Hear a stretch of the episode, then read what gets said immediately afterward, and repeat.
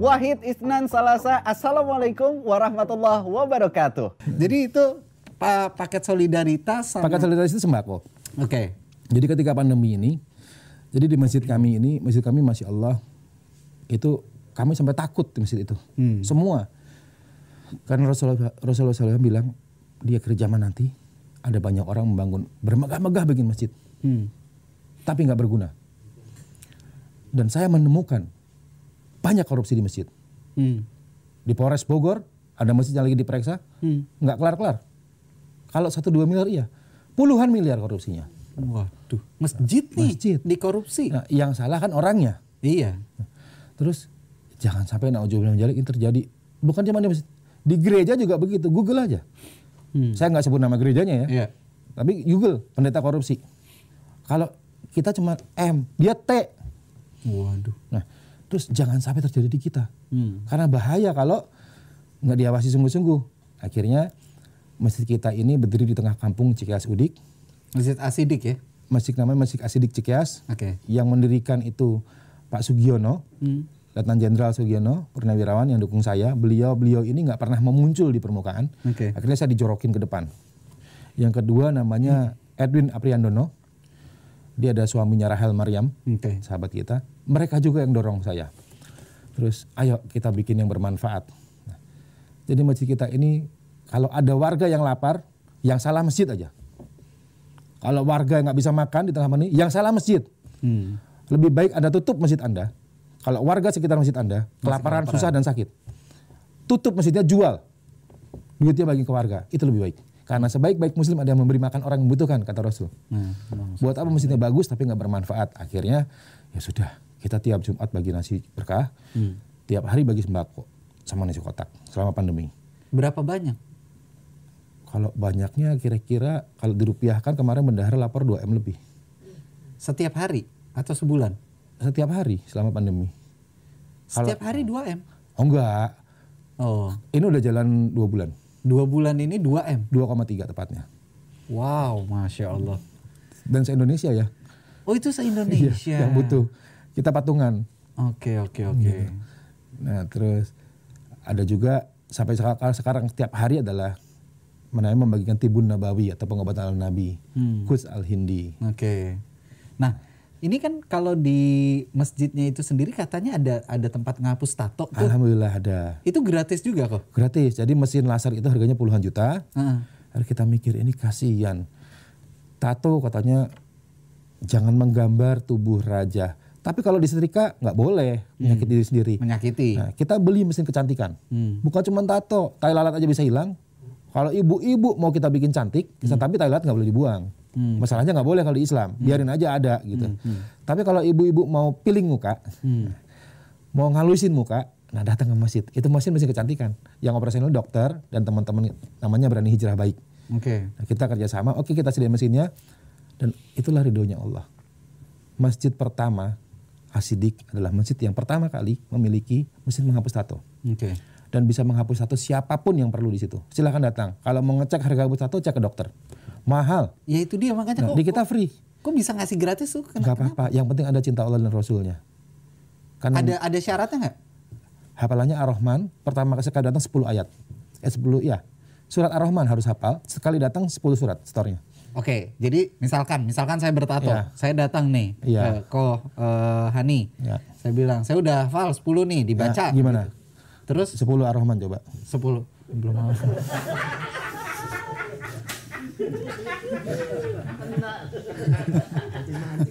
Bismillahirrahmanirrahim. Ar-Rahman, bayan.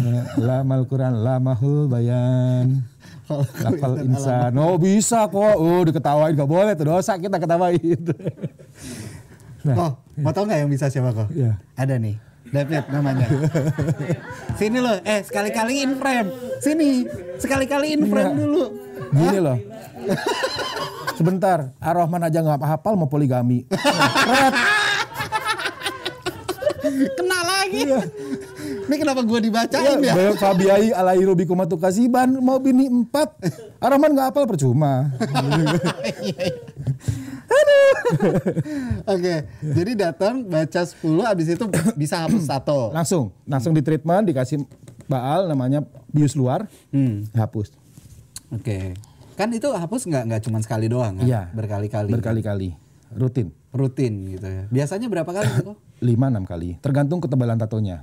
Kan kalau ada tato cuman biru, hijau, is Hmm. oke. Tapi ada yang full warna, di blok ada merah, kuning, hijau, hidup. Nah Hmm. itu biasa 10 kali kalau itu.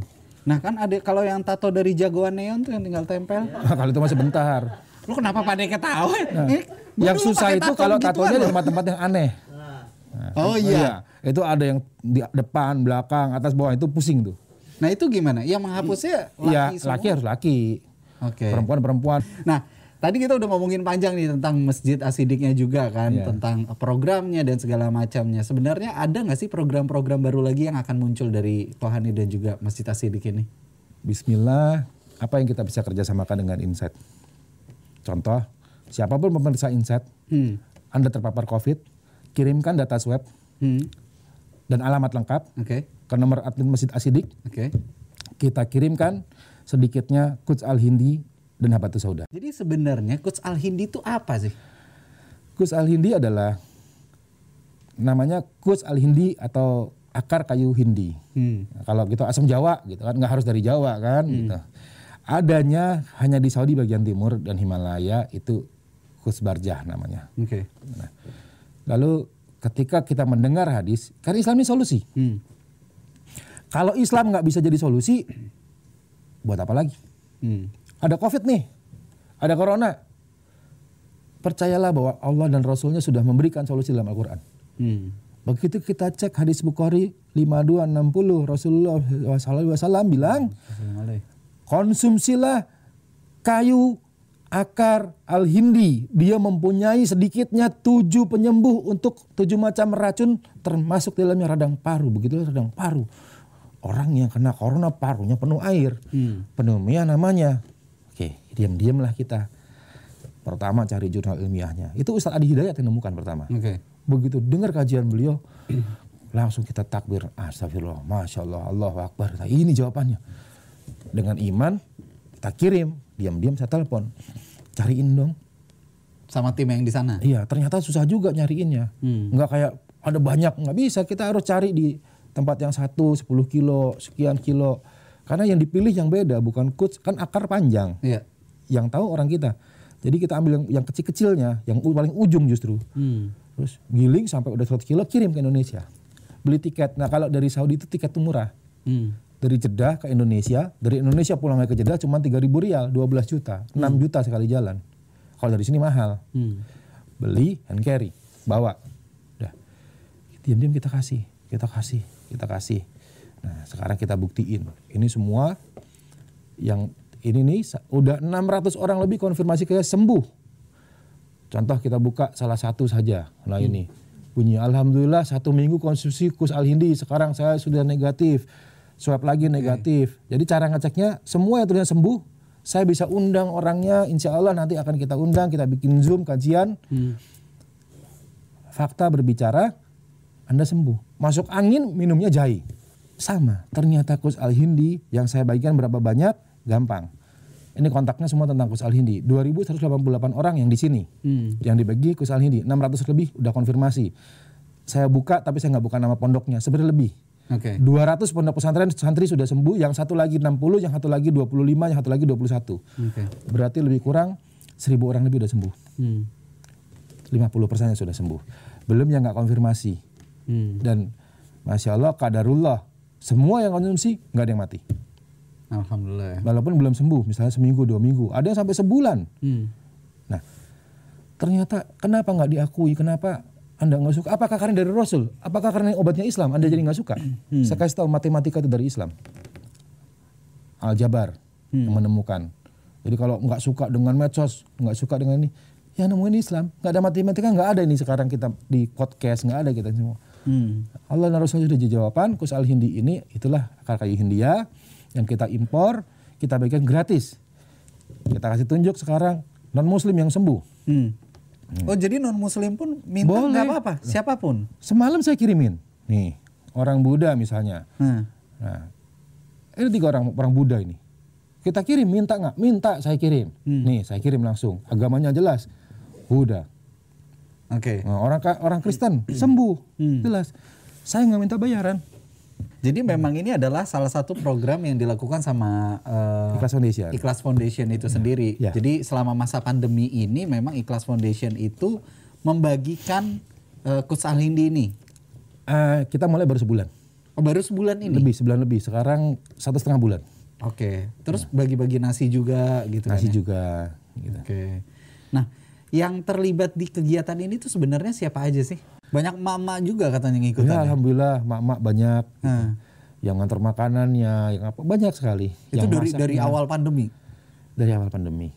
Bahkan banyak apa yang saya bisa bantu, apa yang saya bisa banyak yang mau ikut terlibat, masya Allah. Oke. Gitu. Jadi kegiatannya memang memang udah kegiatan kemanusiaan banget gitu kan ya? Ya, mudah-mudahan bermanfaat karena Islam rahmatin alamin. Hmm. Apa yang kami lakukan hanya kamu boleh bilang begini, begitu terserah. Kamu bilang Islam begini begitu. Lihatlah setelah saya masuk Islam dan teman-teman yang masuk Islam. Kami menjadi seseorang yang insya Allah harus koordinasi anfahulinas. Harus bermanfaat untuk orang lain. Bermanfaat karena Allah. Hmm. Bukan dimanfaatkan. Hmm. Jadi insya Allah itulah Ikhlas Foundation. Sikap hati seorang muslim yang ikhlas karena Allah. Sungguh-sungguh karena Allah. Dan berjihad menegakkan kalimatullah. Supaya Oke. kalimat Allah tinggi. Kira-kira sampai saat ini kan berarti kan ada ada eh, bendahara, ada admin dan segala macam itu berarti kan ada yang mendata. Ada. Nah, kira-kira sampai saat ini udah berapa banyak orang yang mendapatkan bantuan dari Ikhlas Foundation ini? Saya nggak hitung. Tapi kalau 10 ribu orang lebih.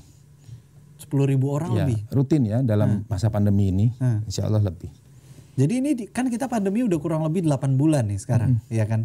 Dari awal masa pandemi sampai sekarang itu udah 10 ribu orang lebih. Ya. Hitung aja kalau tiap hari kita bagi berapa ribu kotak nasi. Minimal seribu lah.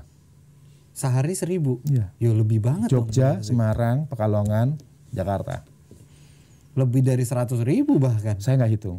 Karena itu semua biar Allah yang tahu. Biar malaikat yang hitung. Celengannya ya. Ya. Itu ya, di Dan situ. itu bukan amalnya Hani, tapi amal kita bersama. Oke. Dan saya nggak tahu diterima atau enggak. Oke. Kan yang tahu hanya Allah.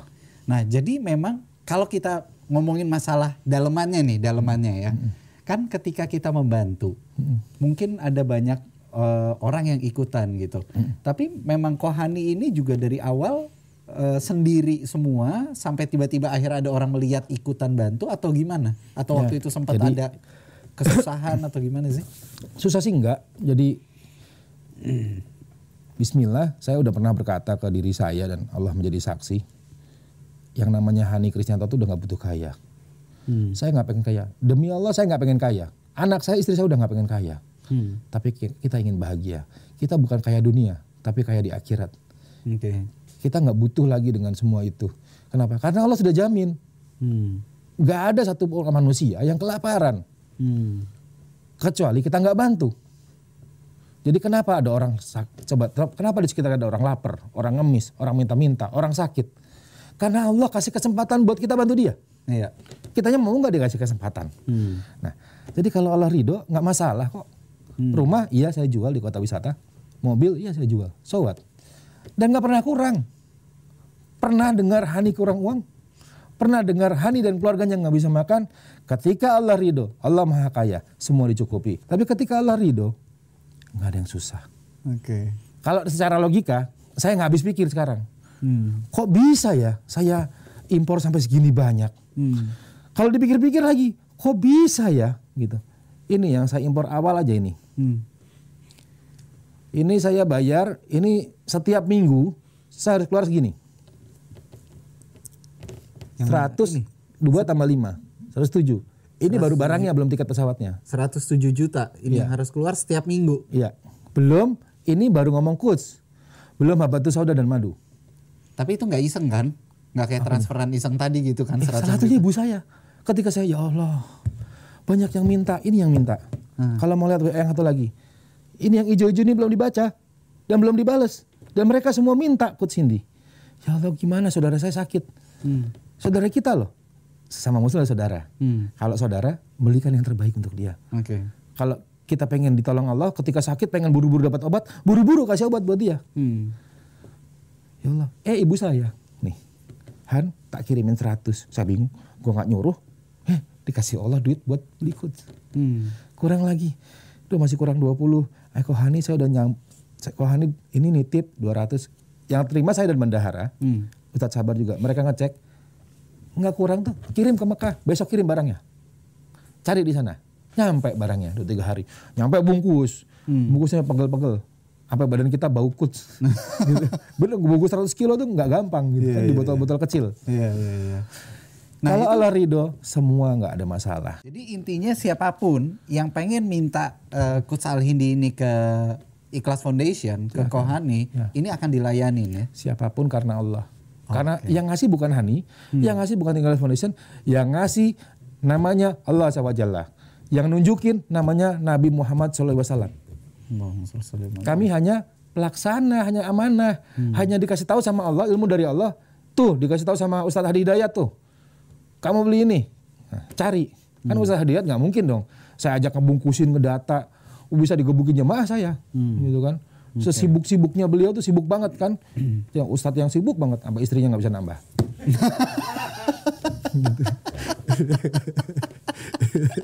Nah, jadi memang di Islam itu solusi dari semua permasalahan itu sudah ada. gitu Islam kan? solusi sepanjang masa, sepanjang zaman, insya Allah. Dan saya buktikan itu. Oke. Dan makanya akhirnya Itulah sebabnya kami masuk Islam dan tidak main-main dengan Islam. Hmm. Itu yang akhirnya membuat kenapa uh, mualaf ini akhirnya orang-orangnya sangat getol, sangat rajin gitu kan ya. Iya. Kan bukan janji palsu soalnya. Kita kita kadang yang udah Islam dari lahir aja tuh suka malu gitu loh. Enggak lah. Kita kayak Kalau nggak ada Islam dari lahir, saya belajar al- ikro sama siapa? Iya enggak, tapi maksudnya gini loh kok. Ketika kita melihat ada teman-teman mu'alaf yang mereka masuk, kemudian mereka dengan cepat bisa menghafal Al-Quran, sedangkan kita yang udah dikasih kenikmatan ini dari lahir, tapi kita nggak bisa memanfaatkan itu dengan baik, malu dong kita kan. Kita iri dalam hal kebaikan nggak apa-apa. Boleh. Iya kan? Iya, betul. Seperti itu. Nah, itu mungkin yang kami rasakan saat itu. Adalah ketika ngeliat orang-orang, bisa ya mereka ya? Mungkin mualaf itu Allah takdirkan jadi trigger ya. Kan kita mengenal fasabikul khairat. Iya. Nah, jadi triggernya mualaf. Hmm. Ayo diajak berlomba-lomba nih sekarang. Nah, ayo kita berlomba-lomba yuk gitu. Hmm. Oke. Nah kita balik lagi ke Coach Al Hindinya itu tadi. Iya. Jadi sebenarnya Coach Al Hindi tadi itu itu dia untuk apa aja khasiatnya? Pernafasan. Pernafasan. Iya. Sesuai uh, Sesuai hadis. Rasulullah bilang. Iya, saya buktikan sudah ribuan yang menerima dan ribuan yang sembuh Hmm. dan semua menyangkut pernafasan baik itu TBC, baik itu asma, Hmm. apa pun dan alhamdulillah sembuh. Nah, kok yang saya penasaran adalah kok Hani ini kan hidupnya sekarang adalah ngurusin umat. Ngurusin banyak orang gitu kan ya. Mau yang dari yang muslim sampai non muslim sekalipun semua diurusin sama kok Hani. Enggak, saya ngurus diri saya sendiri sebetulnya. iya kan supaya diurus Allah. Iya. Tapi pernah nggak ada satu momentum ngerasa capek gitu? Sering. Sering. Tadi malam saya capek. Oke. Capek banget ya Allah capek gitu kemarin belum tidur. Setiap malam itu saya setiap malam tuh begini. Kalau mau ngecek saya, kalau mau ketemu saya datanglah jam 1 atau sampai jam 2 malam ke JNE Pusat di Tomang. Saya pasti ke sana. Hmm. Pasti ada anda akan ketemu saya. Karena tiap malam kerjaan saya adalah kirim barang sekitar 10 sampai 20 kilo kayak gini, udah di packing. Oke. Udah di packing, ada alamatnya, ada namanya, sesuai dengan kebutuhan. Kan kenapa harus dicek satu-satu? Ini WA-nya pakai pakai WhatsApp web. Jadi satu lagi di laptop, Iya. di, di admin. Harus ngecek ini ada ibu hamil. Ibu hamil nggak boleh dosisnya sama. Anak kecil nggak boleh sama. Anak balita cuma dikasih tiga sendok. Jadi kita benar-benar ngecek ini yang kirim data siapa, Siapa? aja yang sakit Oke. gitu. Juga kalau dia bukan muslim, jawabannya beda. Saya nggak mungkin suruh dia baca doa Nabi Ayub. Hmm. Jadi jawabannya beda, sudah dikirim, semoga cepat sembuh. Oke. Dan terakhirnya semoga anda dapat hidayah. Begitu yang saya jawab ke mereka non muslim, boleh kok. Ini. Yang orang Buddha saya jawab, sudah kami kirim, semoga anda cepat sembuh dan semoga Allah beri anda hidayah. Amin. Oke, jadi ya memang manusiawi banget ya. jawabannya. Semoga Iya, terima kasih banyak. ya, semoga Allah memberi anda Hidayah. Ah. Nah jadi memang satu-satu lalu dikirim capek ya capek, tapi lelah itu lillah. Kapan Lelah kita istirahat? Saya akan istirahat seperti ini, ini, dan ini sudah saya siapkan. Jadi yang yang dimaksud adalah di kuburan. Ya, Itu kubur, adalah ini kubur anak saya, Oke. dan saya berwasiat saya ingin dimakamkan satu liang lahat dengan dia, Oh, ditumpuk nantinya ya. Karena udah dua tahun kan, jadi boleh. Kenapa ditumpuk? Supaya keurus juga. Coba masih ngurus kuburan kakek buyutnya, Masih. Oh. kakek buyut masih. Ya karena dia ada Arabnya ya. Heeh. Orang Arab nasabnya kuat. Coba yang lain masih ngurus mbah kakungnya kuburannya kuburannya di mana aja nggak tahu. Hmm. Saya lebih baik satu keluarga satu liang lahat deh biar anak cucu saya bisa ngurus. Hmm. Kalau nggak kepencar-pencar nggak keurus digusur, diganti Iya, kuburan iya, orang. Iya iya benar. Kan bedanya kalau nggak bukan Arab nasabnya nggak kuat, Hmm, hmm. gitu kan. Terakhir dari obrolan kita untuk menutup ini semua di masa pandemi ini apalagi yang mau dijalanin sama Ikhlas Foundation? Apa pun yang Allah ridho dan Allah inginkan, Terbuka untuk kerjasama apa pun berarti ya. selama itu karena Allah, kan kita bilang Ikhlas Foundation ini fastabikul khairat, Hmm. khairunas anrahul minas karena Allah. Selama itu bermanfaat untuk Islam dan untuk Allah, Hmm. mari. Karena ibadah sholat aja kita berjamaah, Hmm. masa amal mau sendiri-sendiri? Iya benar. Gitu. Berbagi juga dong Iya. amalnya kan. Iya. Luar biasa Masya Allah Ko Hani terima kasih banyak Sama-sama. Sudah menyempatkan waktunya untuk hadir ke Studio Jak TV di Podcast Insight Iya. Benar-benar kita dapat ilmu yang luar biasa nih ya Mulai dari ilmu berbagi Terus ilmu bagaimana mencintai agama kita sendiri Bagaimana kita mencintai sesama manusia Sampai ilmu mencari istri lagi juga kita Terima kasih Ko Hani dan juga.